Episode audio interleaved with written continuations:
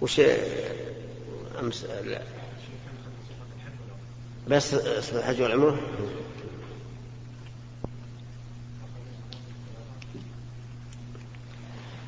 الحمد لله رب العالمين وصلى الله وسلم على نبينا محمد وعلى آله وأصحابه ومن تبعهم بإحسان إلى يوم الدين. أما بعد فهذا هو اللقاء الحادي والتسعون من اللقاءات الأسبوعية التي تتم كل يوم خميس وهذا اليوم هو السابع والعشرون من شهر ذي القعدة عام خمسة عشر وأربعمائة وألف. يكون الكلام في هذا اللقاء على محظورات الإحرام. ومحظورات الإحرام هي الأشياء التي تحرم بسبب الإحرام. لأن كل عبادة لها محرمات. الصلاة مثلا يحرم فيها الكلام الصيام يحرم فيه الأكل والشرب الحج له محظورات أي محرمات بسببه.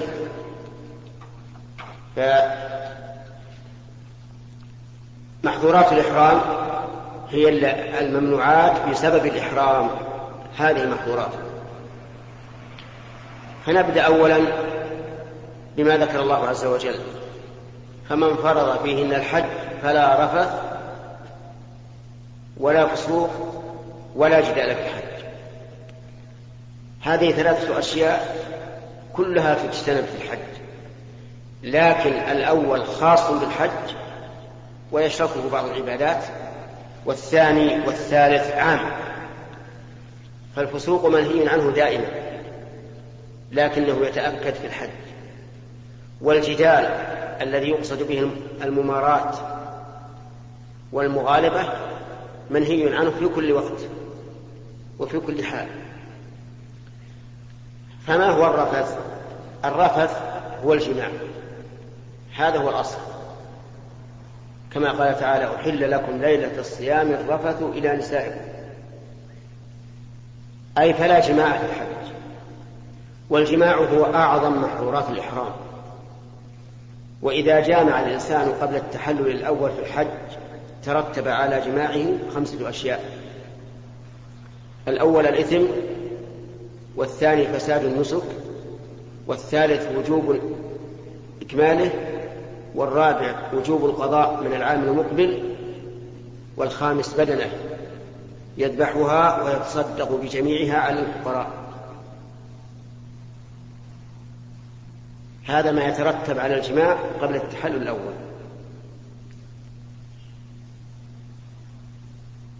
وما الذي يتعلق بهذا المحظور؟ يتعلق به المباشرة والنظر لشهوة وعقد النكاح وخطبة النكاح كلها تتعلق بهذا لأنها مقدمات للجماع ولهذا يحرم على يحرم على المحرم أن يباشر زوجته لشهوة. بتقبيل أو غيره. وكذلك يحرم عليه تكرار النظر لشهوة. ويحرم عليه أيضا العقد عقد النكاح. فلا ينكح المحرم ولا ينكح ولا يخطب. ويحرم عليه الخطبة أي أن يخطب امرأة وهو محرم لهذا الحديث.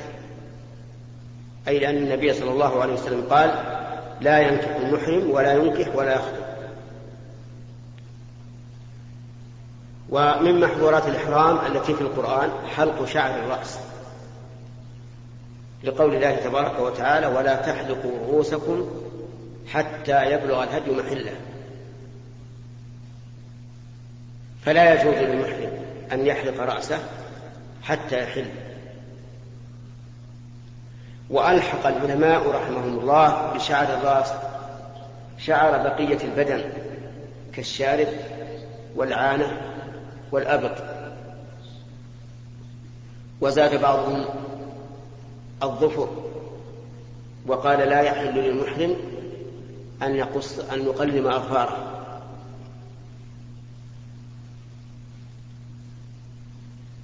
فنعود أيضا نعود الآن ننظر ماذا حصل من المحظورات. الجماع المباشر للشهوة النظر لشهوة ولا سيما مع التكرار. الخامس عقد النكاح. السادس الخطبة.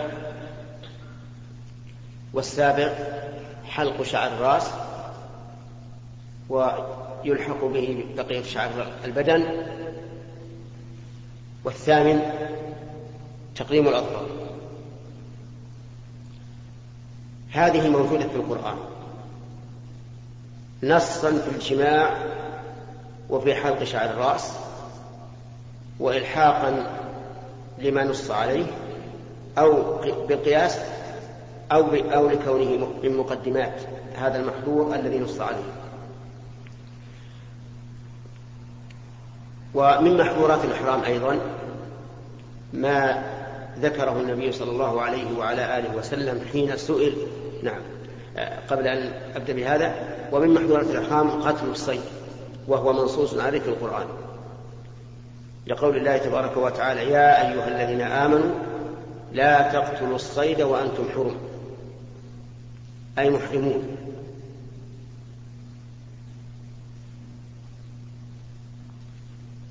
ومن محظورات الإحرام أيضا ما بينه الرسول عليه الصلاة والسلام حين سئل ما يلبس المحرم أي ما الذي يلبسه؟ قال لا يلبس القميص ولا السراويل ولا العمائم ولا البرانس ولا الخفاف هذه خمسة أشياء لا تلبس. القميص هو هذا الدرع الذي نلبسه كلباسنا الآن. وأما السراويل فمعروفة أيضا ما يلبس بدلا عن الإزار وأما العمائم فهي ما يلف على الرأس. وأما البرانس فهي ثياب واسعة فضفاضة كما يقولون ولها غطاء على الرأس متصل بها. وأكثر من يلبس ذلك المغاربة. وأما الخفاف فهي الكنادة فهذه خمسة أشياء نص عليها النبي صلى الله عليه وسلم. أن المحرم لا يلبسها هل يلحق بها غيرها؟ نقول نعم يلحق بها ما كان مثلها أو أولى منها. فالقميص مثلا يلحق به الفنيلة الكوت آه السراويل يلحق بها آه السراويل القصيرة القصيرة الكمين وهي ما يعرف بالسراويل الفخاذية وأما العمائم فيلحق بها الغترة والطاقية لأنها لباس الرأس كالعمامة. وأما البرانس فيلحق بها المشالح لأنها أقرب ما تكون. وهذه الأشياء الخمسة التي نص عليها الرسول عليه الصلاة والسلام. قال لا يلبس. وبناء على ذلك لو أن الإنسان تلفلف بالقميص بدون لبس فلا حرج. لأنه لم يلبس. ولو وضع ولو ولو أنه خاط إزارا خياطة. فلا حرج. لأنه لا يعدو أن يكون إزارا حتى وإن خيط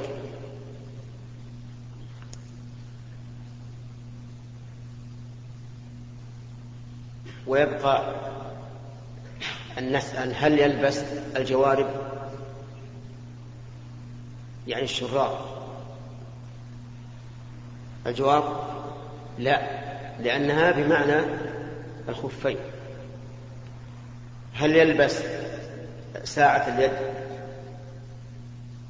الجواب نعم لأن النبي صلى الله عليه وعلى آله وسلم لما قال لا يلبس كذا علمنا منه أنه يلبس ما سواه. طيب هل يلبس آه نظارة العين؟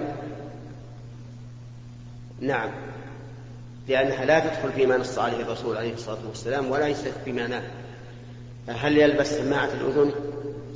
نعم. هل يلبس الخاتم؟ نعم هل يلبس الكمر؟ نعم المهم يلبس كل ما سوى المذكور في الحديث أو ما كان بمعناه ومن محظورات الإحرام الطيب والدليل على أنه من محظورات الإحرام أن النبي صلى الله عليه وعلى آله وسلم قال في الرجل الذي وقصته ناقته في عرفة قال اغسلوه بماء وسدر ولا تخمروا رأسه ولا تحنطوه فإنه يبعث يوم القيامة ملبيا.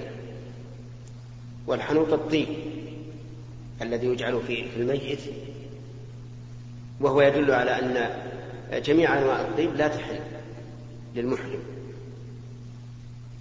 وقال صلى الله عليه وعلى آله وسلم لا تلبسوا ثوبا مسه الزعفران ولا الورس.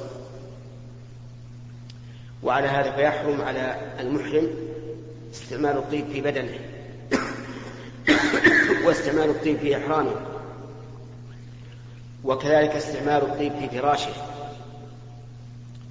فلا ينام على فراش فيه طيب وكذلك استعمال الطيب في أكله وشربه. فلا يشرب قهوة فيها زعفران. ما دامت رائحته موجودة. ويدخل أيضا استعمال الطيب في تغسيله فبعض الصابون فيه طيب يظهر على الإنسان إذا غسل به فهذا لا يستعمل أما الطيب الذي ليس له إلا رائحة طيبة منعشة ولكنها ليست طيبا فلا بأس بذلك. ولهذا نقول للمحرم لك أن تأكل الترج والنعناع وما أشبهها مع أنه, مع أنه ذو رائحة طيبة ذكية. ومن, ومن محظورات الإحرام تغطية الرأس. في, في أي في أي إغطاء كان. لقول رسول الله صلى الله عليه وسلم لا تخمروا رأسه.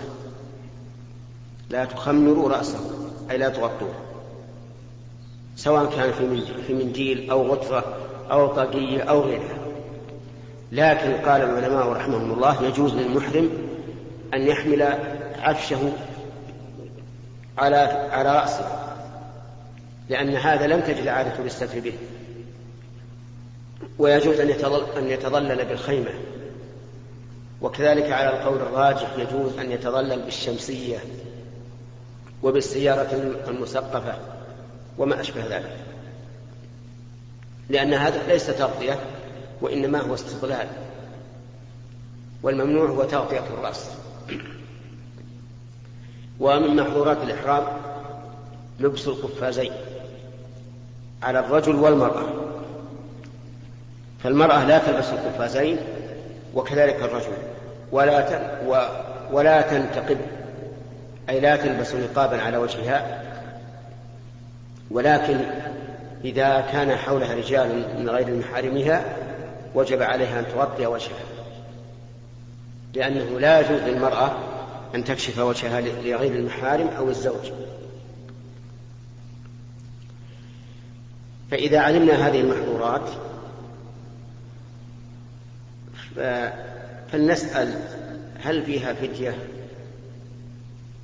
والجواب له أن يقال هذه المحظورات تنقسم إلى أربعة أقسام. الأول ما لا فدية فيه والثاني ما فيه فدية مغلظة والثالث ما فديته مثله والرابع ما فديته على التخيير.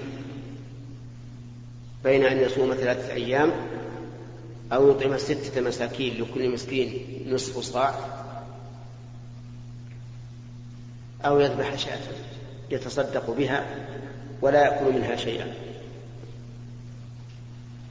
فأما الأول وهو الذي لا فدية فيه فهو عقد النكاح.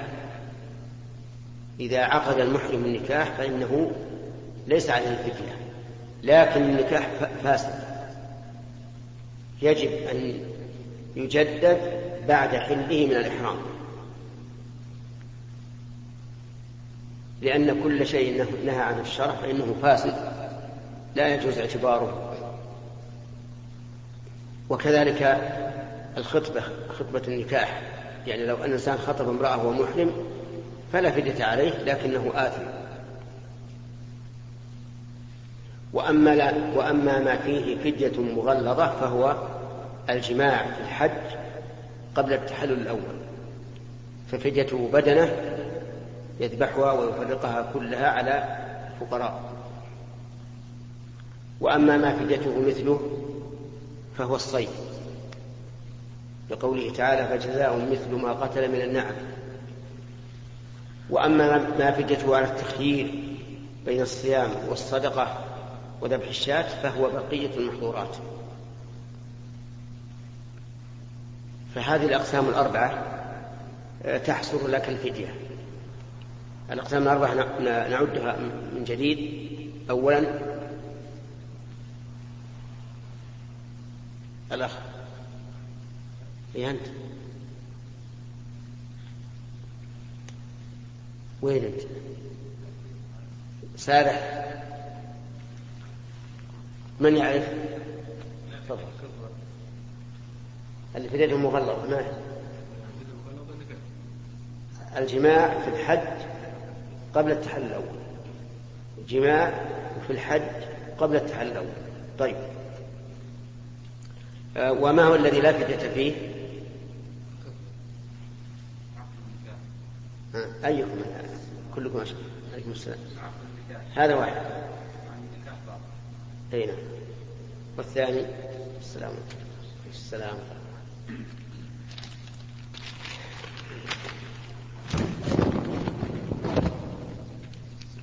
السلام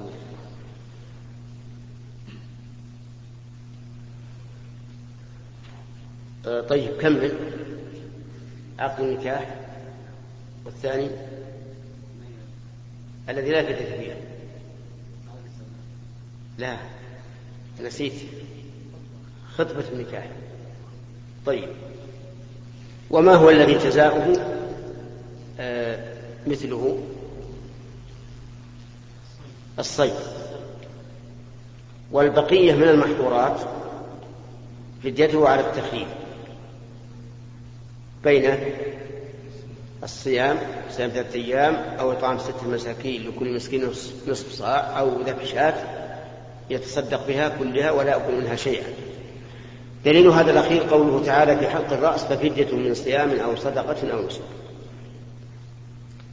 آه ثم اعلم أن هذه المحظورات إذا فعلها الإنسان فله ثلاث حالات. إما أن يفعلها متعمدا بلا عذر أو يفعلها متعمدا لعذر أو يفعلها جاهلا أو ناسيا أو مكرها.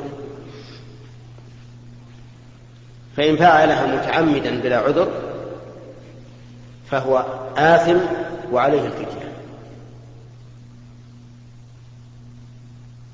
مثال هذا رجل حلق رأسه متعمدا بلا عذر.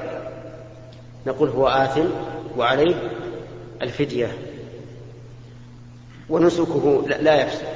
لأنه لا يفسد النسك إلا بالجماع قبل التحلل الأول. الثاني أن يفعلها متعمدا لعذر فهذا عليه الفدية وليس عليه إثم. كما فعل كعب بن عجر رضي الله عنه حين أتى النبي صلى الله عليه وعلى آله وسلم وهو مريض ورأسه آه، مملوء من القمل يتناثر القمل من رأسه على وجهه. فقال له النبي صلى الله عليه وعلى آله وسلم ما كنت أظن أن البلغ أن الوجع بلغ بك ما أرى.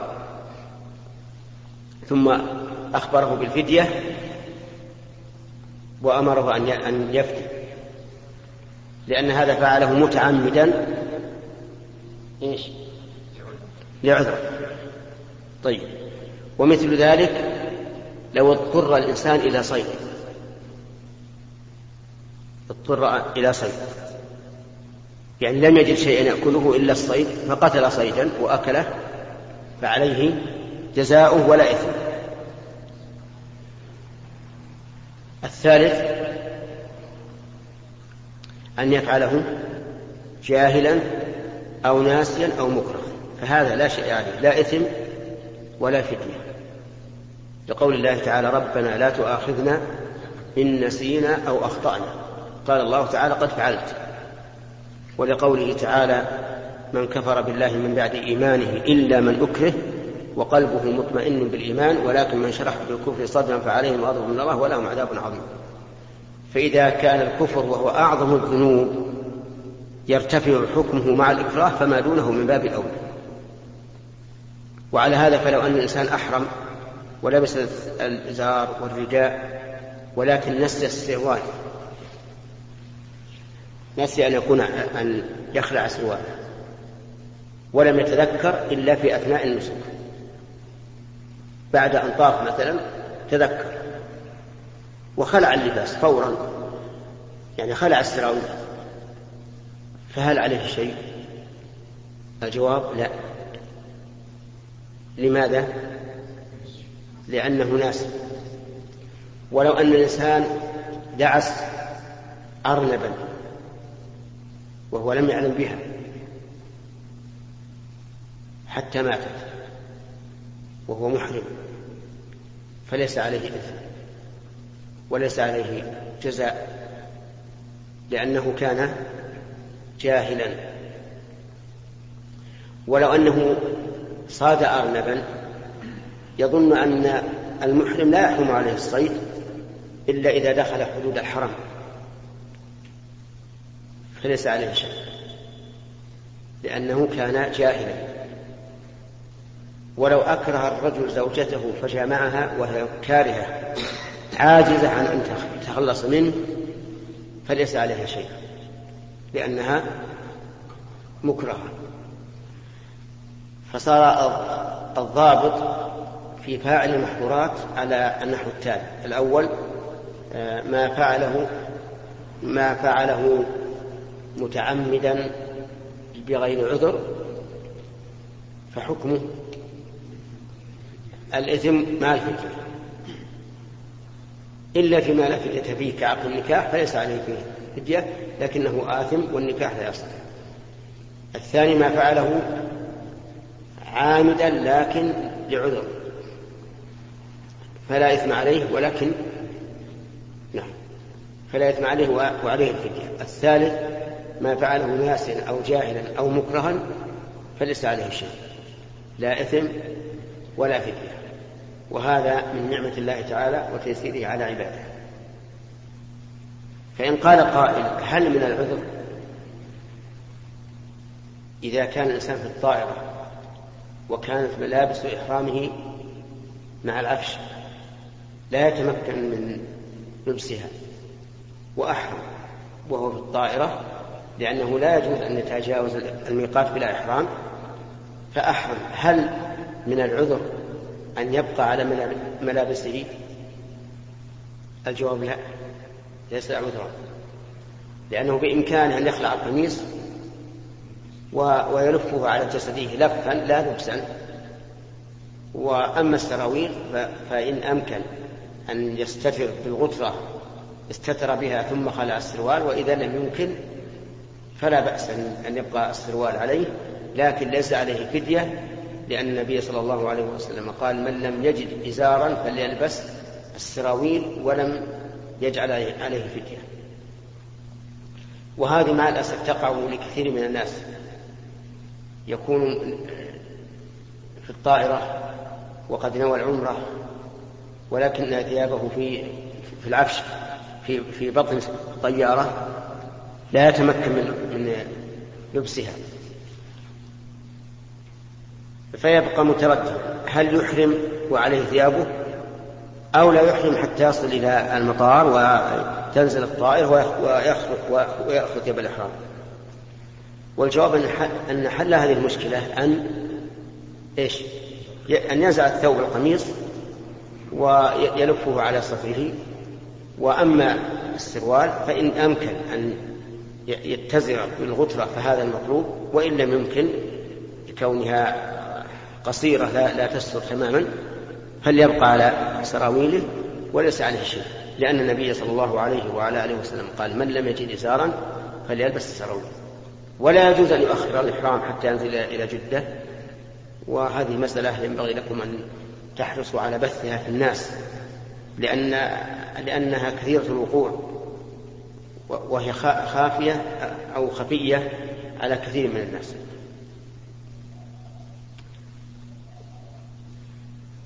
وينبغي للمحرم أن يحرص على فعل الواجبات وترك المحرمات حتى وإن لم تكن من محظورات الإحرام وأن يتخلق بالأخلاق الفاضلة وأن لا يؤذي المسلمين بقول أو فعل وأن يكون سمح البال منشرح الصدر باسط اليد حتى يكون محبوبا عند الناس وأن لا يماري أو يجادل لا عند دورات المياه ولا عند بزابيز الماء ولا في المطاف ولا في أي مكان. بل يكن دائما لينا مع الخلق حتى يكتب في عداد الذين أحسن الله خلقهم. وقد قال النبي صلى الله عليه وعلى آله وسلم أكمل الناس إيمانا أحسنهم خلقا. وننتهي إلى هذا الحد لنتفرغ للأسئلة ونبدأ باليمين. فضيلة الشيخ هذا رجل راتبها أربعة آلاف أو أكثر أو أقل. وعليه أجار ونفقة عيال. هل للمحسنين أن يجمعوا له ويريد أن يسافر سواء مع حمله أو مع غير حمله. يريد أن يسافر للحج. فهل للمحسنين أن يجمعوا له ما يجعله يستطيع الذهاب إلى الحج هل هذا الحج فريضة أو نافلة؟ فريضة وهو فريضة. يمكن عمره أربعين ولا حج الذي أرى أنه لا يجمع له. لأن الجمع له إذلال له. أعطونا لفلان أعطونا لفلان هذا ذل. والله عز وجل لم يجب عليه الحج.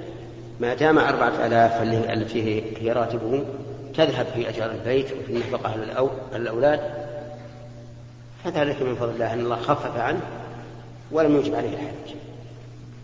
يسقط عنه. يسقط عنه لأنه قال من استطاع إليه سبيلا السلام عليكم ورحمة الله وبركاته. وعليكم السلام ورحمة الله. فضيلة الشيخ بخصوص الأضحية لأن الآن ظهرت إعلانات لهيئة الإغاثة الإسلامية بالذي يريد أن يضحي يعطيهم دراهم ويضحون عنه في بلاد أفريقيا أو آسيا هل هذا يجوز؟ أنا لا أرى هذا وأرى أن أنه أنه ينبغي للإنسان أن يعمل المشروع في أضحيته فيضحي في بلده وبين أهله إظهارا لهذه الشعيرة العظيمة التي رتبها النبي صلى الله عليه وسلم أحسن ترتيب فجعلها من جنس معين وفي سن معين وفي وقت معين وفي وصف معين وجعل لها حرمات. فمن أراد أن يضحي فلا يأخذ من شعره ولا من بشرته ولا من أظفاره شيئا حتى يضحي. عناية الشرع بها يدل على أنها مهمة جدا. ثم إن الإنسان إذا وكل من يذبحها فمن الذي